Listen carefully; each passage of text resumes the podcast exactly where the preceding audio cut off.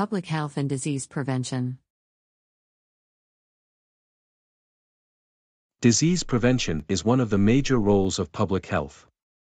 Disease can be either communicable or non-communicable. A communicable disease can spread from one person to another, and it is also called contagious. While non-communicable diseases are non-contagious, and caused by genetic disorders, allergies, malnutritions, and also chronic disorders such as diabetes or cancers. A communicable disease can be explained by a triangle model, while we can explain a non-communicable disease by different layers. In triangle model, we have agent, host, and environment in each corner. Agent is what causes the disease, like bacteria, virus, or parasite.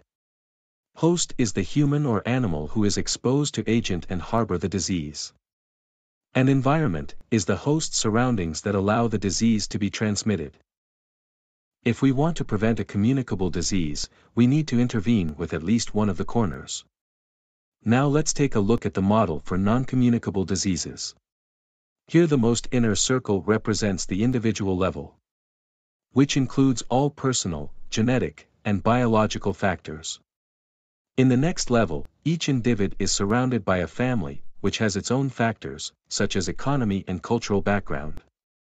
Next layer is a larger society, such as community. And as you see, each layer represents a larger society, until it reaches to the factors related to the global level.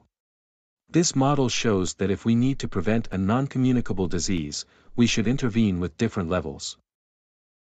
Thank you for watching.